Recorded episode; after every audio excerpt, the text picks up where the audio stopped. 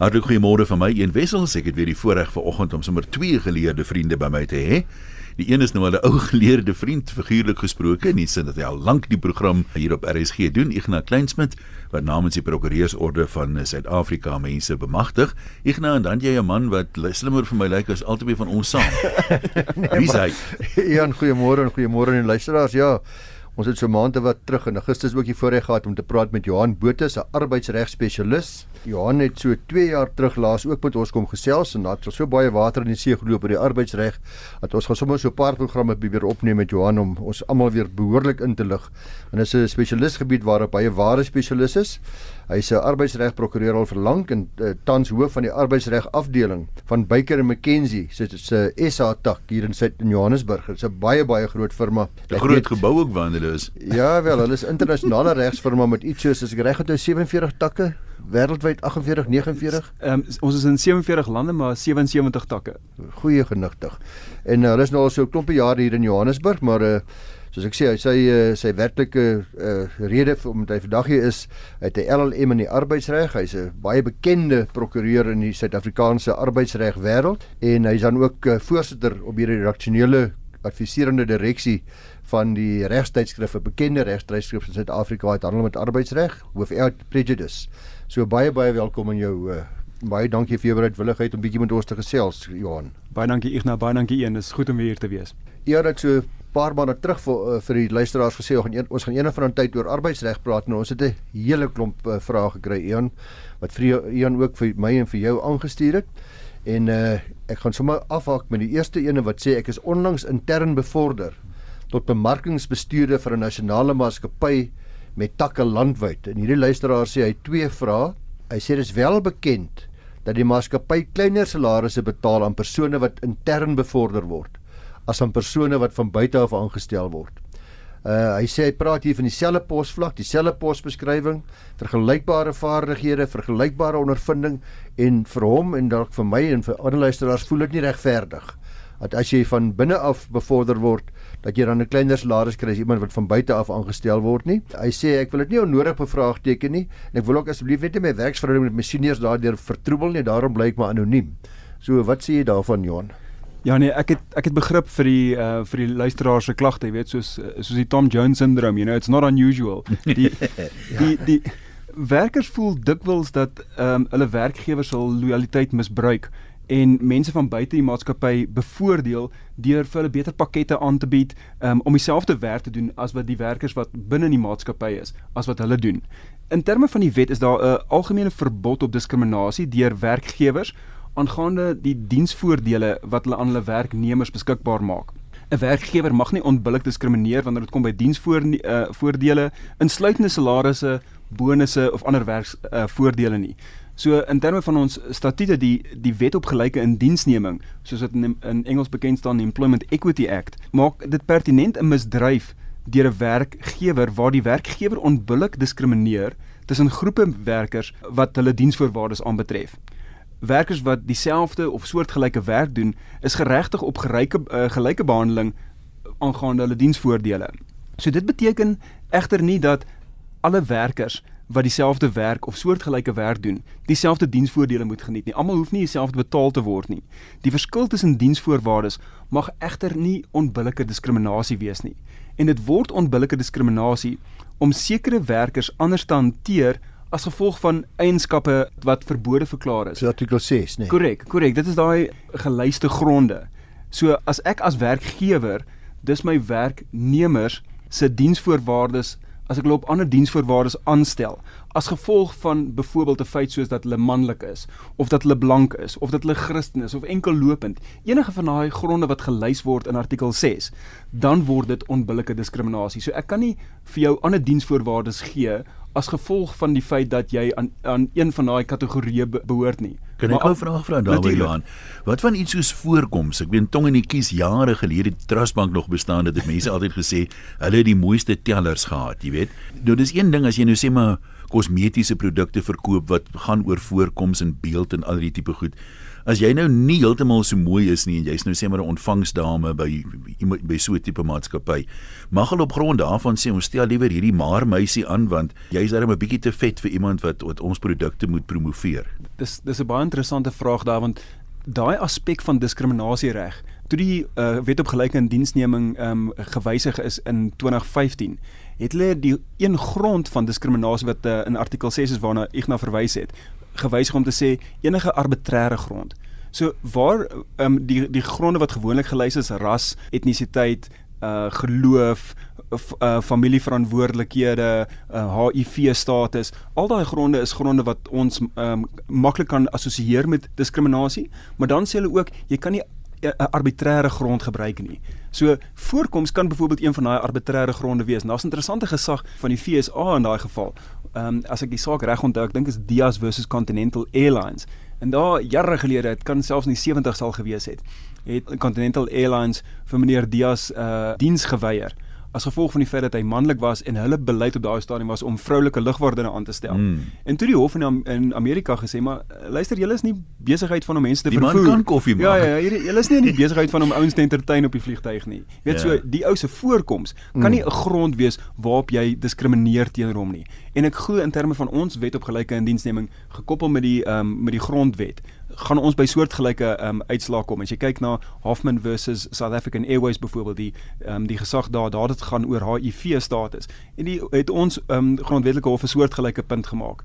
Dit moet kardinaal wees tot die uitrigting van die werk. Hmm, dis een ding as jy nou 'n model moet wees wat nou die die klere moet modelleer. Of sy nou sê die gesigroom wat vir vrouens geadverteer word. Ek, ek verkoop gesigroom vir vrouens en dan wil ek net seker 'n mooi vel hê. Ja, of byvoorbeeld ek is ek het 'n Chinese restaurant en my kliëntel sê luister, ek het 'n Chinese chef nodig. Maar wat ja. van as ek 'n Suid-Afrikaanse chef is wat in China my kuns gaan ja. gaan leer het? Weet, hoekom moet hoekom moet ek anders ter gehanteer ja. word? So is 'n baie interessante veld hierdie hm, diskriminasie reg. Die een ding waaroor ons baie uh, briefies skry en dit jy dit nou reeds gesê, maar kom ons sê dit net weer dat dit duidelik is vir ons dames wat luister, al die vrouens, werkgewer kan nie iemand meer betaal net omdat daardie persoon 'n vrou of 'n man is nie. Ab, nie gewoonlik maar 'n man nie. Dit, dit is 100% so.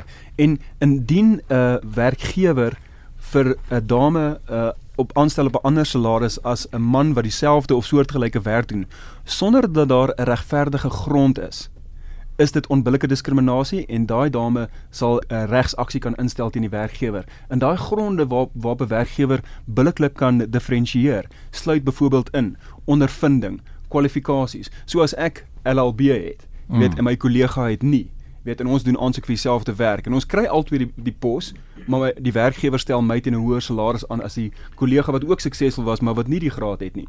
Weet, dan kan die hmm, werkgewer sê maar daar's 'n rede, daar's 'n geldige rede Verstaan, hoekom ek ja. jou ehm um, hoekom ek jou meer betaal, maar hy kan nie my meer betaal as my kollega ons albei dieselfde ehm um, kwalifikasies nie, maar die enigste rede is omdat sy 'n vrou is. Maar prakties gesproke, ek wil nou amper vir jou sê, soos 'n vriend van my altyd sê, as jy 'n brief gee met 'n police job op, dat as jy nou 'n uh, landwyd gaan navorsing doen en jy kyk nou na salarisskade, die de facto situasie sal na alle waarskynlikheid wees dat vrouens se mediaan salaris of gemiddelde salaris minder is as mans. So dit is tog nog 'n oorblyfsel van iewers af. Dit gebeur al sê die wet dit mag nie gebeur nie. Hmm. In, in, inderdaad en ons sien wêreldwyd, um, as ek praat met kollegas in ander jurisdiksies, hierdie is nie 'n uniek Suid-Afrikaanse fenomeen uh, na, na nie. Dit is ehm um, as jy kyk na die grondswel van van opinie reg oor die oor die wêreld. Ehm um, daar's uh, veldtogte in Brittanje, daar's veldtogte in IJsland. IJsland ons on, onlangs gesien vrouens wat gaan staak het net na 2 uur in die middag want hulle sê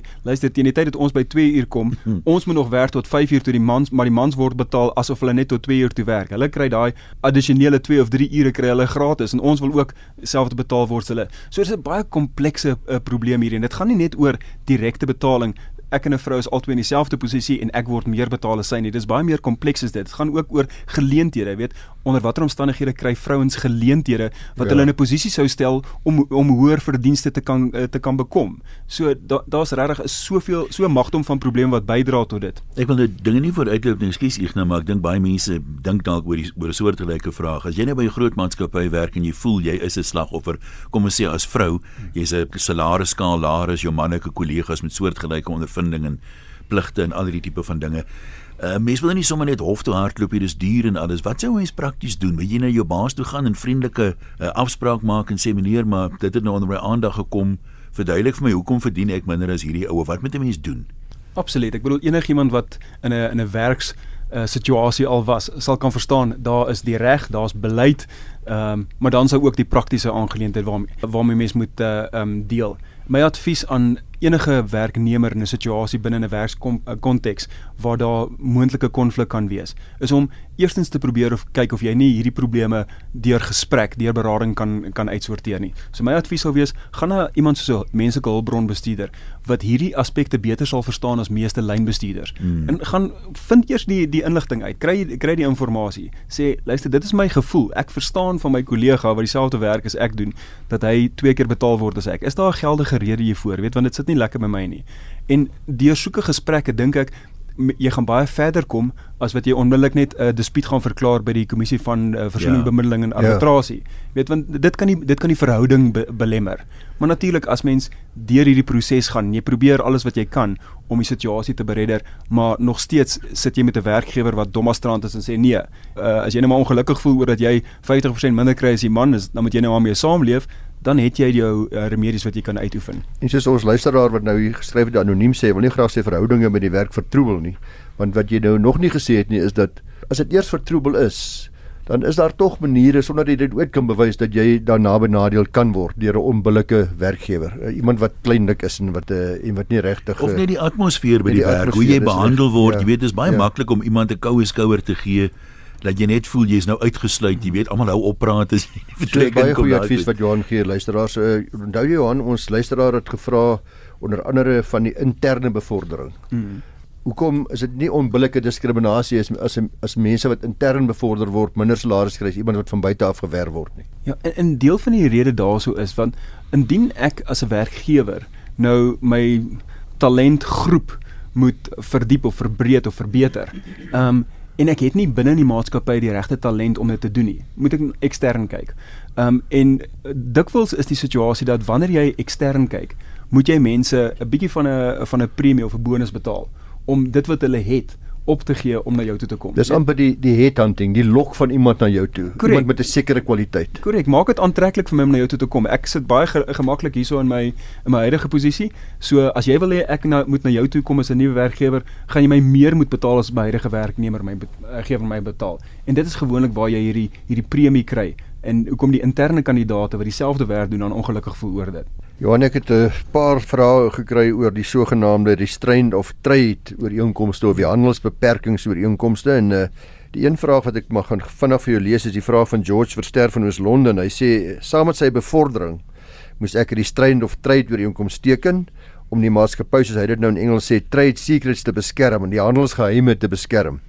Hy sê dit bepaal basies dat ek nie binne 3 maande na my diensbeëindiging by die maatskappy in dieselfde veld van diensverlening mag begin werk nie. En uh, hy sê daar's ook ander landswye groepe wat dieselfde dienste as ons lewer, die hele paar van hulle.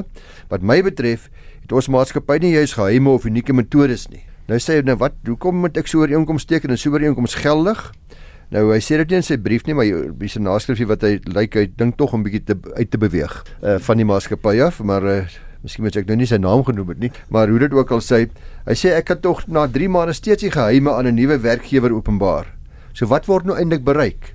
Want ek sê dit vir 3 maande beperk. Hy sê hy is reeds meer as 20 jaar in dieselfde bedryf. Hy sê die kans is skraal dat ek na 'n heel ander bedryf sal oorskakel want ek ken hierdie bedryf. Dis die hele boodskap wat hy gee. So hy en ek sê in praktyk beteken dit nou dat ek vir 3 maande nie inkomste kan verdien nie en dan gaan die lewe maar aan soos altyd. Dan kan ek nou weer aangaan en doen wat ek wil en as ek wil skuif want ander mense betaal dalk beter, hoekom kan ek nie? Hoekom moet ek is hierdie ooreenkoms geldig? Is eintlik maar die vraag. En daar's talle soortgelyke voorbeelde van mense wat by prokureurs kom, soos Johan of jy sal sê, wat presies dieselfde vraag vra of So hierdie ding is redelik algemeen vir al vir meer senior mense. Korrek, ja. Hmm uh, ek is bly dat die luisteraar hierdie vraag ingestuur want jy weet handelsbeperkings is so 'n goeie bron van debat uh, rondom kampvure en koffietafels by die werk. Hmm. Die algemene posisie wat meeste mense um, handhaaf in so 'n tipe van 'n gesprek is dat weet handelsbeperkings nie papier werd waarop dit geskryf staan nie. Dis dis eintlik nie Maar dis nie heeltemal reg nie. Korrek, korrek. Ons regsposisie is heeltemal anderster. Um, in ons reg aanvaar die howe dat om uiting te gee aan kontrakte weet wat mense willens aangaan is van kardinale belang in ons reg En dit is ook die geval wat handelsbeperking kontrakte aanbetref. Waar die howe weier om uiting te gee aan so 'n handelsbeperking om dit af te dwing, is eerstens waar daar geen beskermbare belang is nie, soos niks van hierdie trade secrets waarvan die luisteraar praat mm, mm. wat af wat afgedwing of beskerm hoort te word nie. Of tweedens waar die afdwing van so 'n ooreenkoms teen die openbare belang sou wees. En die openbare belang behels dat ons as 'n gemeenskap ons nie kontrakte moet afdwing wat onredelik is nie weet 'n handelsbeperking sal onredelik um, wees en nie afdwingbaar wees as die beperking op 'n persoon se vermoë om inkomste te skep meer ingrypend is as wat nodig is om gehoor te gee aan die beskermbare belang van die ander party. So waar die maatskappy weet uit 'n entrepreneurs se garage in Springs werk byvoorbeeld om 'n voorbeeld te gebruik en hulle parte verskaf aan besighede in die Oosrand.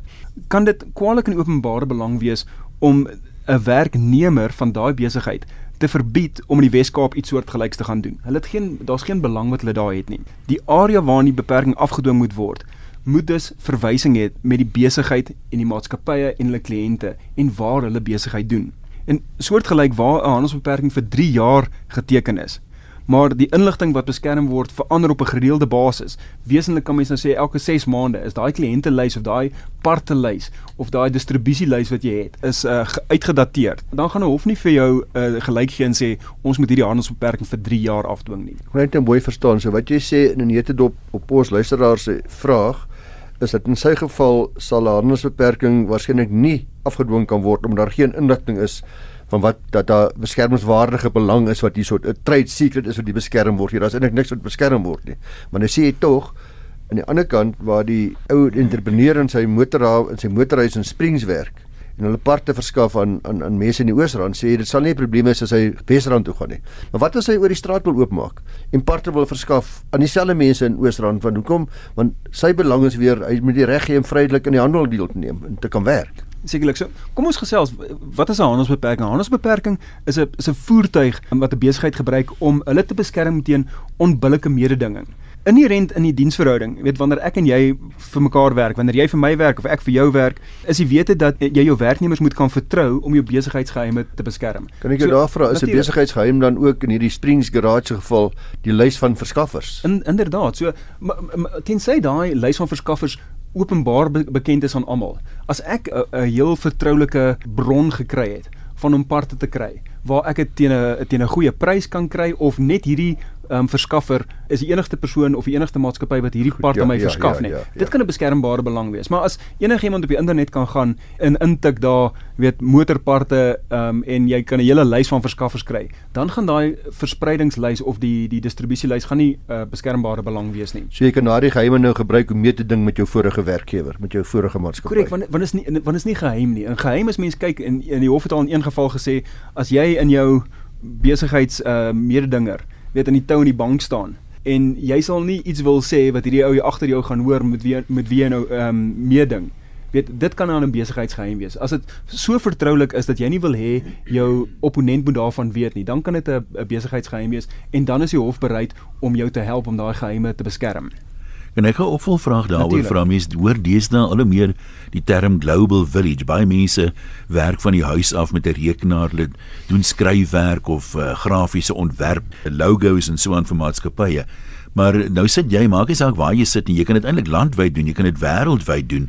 Het hierdie neiging dat mense jy weet in die inligting op die internet en daai tipe goed het dit enigstens 'n invloed op die ontwikkeling van handelsbeperkings Inderdaad, en ek het onthou ek het so 2, 3 jaar gelede moes ek 'n kliënt adviseer oor 'n handelsbeperking wat in terme van die ooreenkoms wêreldwyd afdwingbaar is. En toe ek die ding die eerste keer lees, was ek ongelooflik skepties daaroor geweest want soos ons maar leer, uh, weet as jy as jy regte swat is, um, wanneer mens kyk na handelsbeperkings, kyk jy na verskeie kategorieë en een van daai kategorieë is die geografiese gebied waarin die maatskappy die handelsbeperking wil afdwing. En weet hoe nouer daai gebied, hoe makliker is vir die hof om dit af te dwing. So vir iets om wêreldwyd afdwingbaar te wees, het net het net nie vir my met my lekker gesit nie, maar toe die kliënte vir my verduidelik wat hulle doen en die tegniese aard van dit wat hulle doen en wat hulle vir my sê, luister daar is letterlik about 3 of 4 mense in die hele wêreld wat hierdie tipe van werk doen wat hierdie ou kan doen toe het ehm um, was ons advies aan hulle gewees ja, maar hierdie ding kan afdwingbaar wees reg oor die wêreld. Maak nie saak waar die ou sit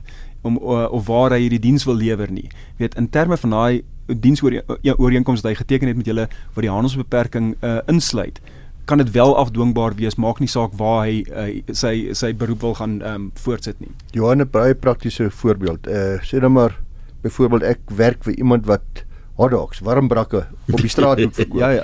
Hy het 'n karavaan of koswaans. Nou besluit ek maar hoorie, hoekom moet ek vir hom werk as ek kan eendag nie kan hotdog maak. Dis eenvoudig. Ek maar net 'n uh, ek gebruik dieselfde resepie wat maar tomatiesous en mosterd is en wat ek nog dit mag wees en ek maak dit by ander hoek. Ja maak ek vir my koop ek vir my karavaantjie en ek staan daar so. Is daar 'n probleem? Maar wat nou? Wat nou Ignas as jy daai oue spesiale resepie het vir 'n basting sous ja. of 'n mosterd en jy vat daai resepie.